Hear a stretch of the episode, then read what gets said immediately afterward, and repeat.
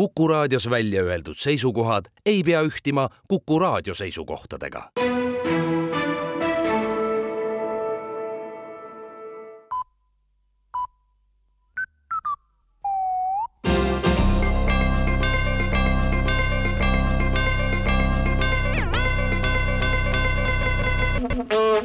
tere kuulama uudiseid stuudios Rohke Debelak suuremad kütusemüüjad teatavad, et ehitavad poole aasta jooksul oma teenindusjaamade juurde ka saja ühe kohalise saali, kus Riigikogu saaks vajadusel istungeid läbi viia vajadus on selgelt olemas, sest järjest kasvab nende parlamendiliikmete hulk, kes on sunnitud istungi ajal oma sõidukit tankima. seda siis kas ajapuudusel või muul põhjusel. iga suurem kütusefirma ehitab esialgu ühe istungisaali ja kui vajadus kasvab, siis veel ühe ning nii on üle riigi järgmisel aastal kuus kuni kümme tanklas asuvat istungite saali ja see peaks esialgse vajadusega katma korruptsioon epidemioloogiajaamaga teatab, et järgmisest nädalast avatakse linnavalitsuste, kõikide kohalike omavalitsuste, erakondade peakontorite välisuste kõrval pistise automaadid, millistest on igal ametnikul või poliitikul võimalik vajadusel välja võtta sularaha pistisautomaadi vajalikkusest räägib üha pingestuv olukord korruptsioonijuhtumite uurimisel, mis omakorda segab erakondade ja ametiasutuste normaalset tööd.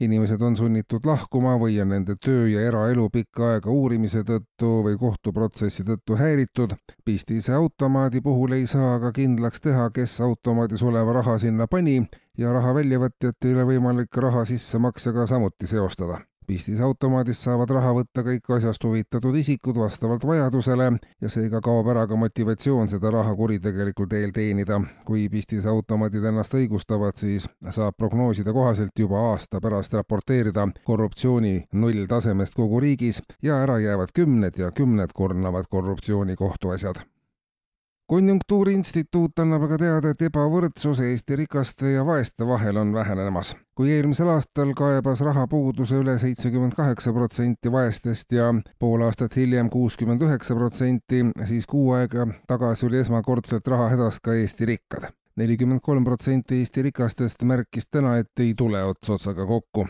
kui poole aasta eest oli rahahädas iga teine Eesti vaene ja iga kuues Eesti rikas, siis nädal tagasi oli raskustes iga neljas Eesti vaene ja iga viies Eesti rikas. rikaste ja vaeste vahelise ebavõrdsuse täielikku kadumist ennustavad analüütikud hiljemalt järgmise aasta keskpaigaks, kui keskmiselt on rahahädas iga Eesti vaene ja suures rahahädas iga Eesti rikas ja operatiivteade. eile kell kaksteist kolmkümmend päeval sõitis sündmuspaigale Paralepa politsei patrullauto. sündmuspaigale jõuti mõni minut enne kella poolt ühte päeval ja siis jäädi sündmusi ootama. kell seitseteist raporteeris patrullkeskusele, et sündmuspaigal ei ole ühtegi sündmust aset leidnud. kell kakskümmend kaks kolmkümmend kuus oli olukord sündmuspaigal endiselt rahulik operatiivtöötajate sõnul polegi sellel sündmuspaigal kunagi midagi aset leidnud, aga kuna tegemist on Paralepa ainsa sündmuspaigaga, siis pole ka patrullil muud valikut, kui oodata sündmuste edasist arengut. plaanitud on sündmuspaikade toomist Tallinnast, aga seni pole kohalikul omavalitsusel lihtsalt rahalisi vahendeid.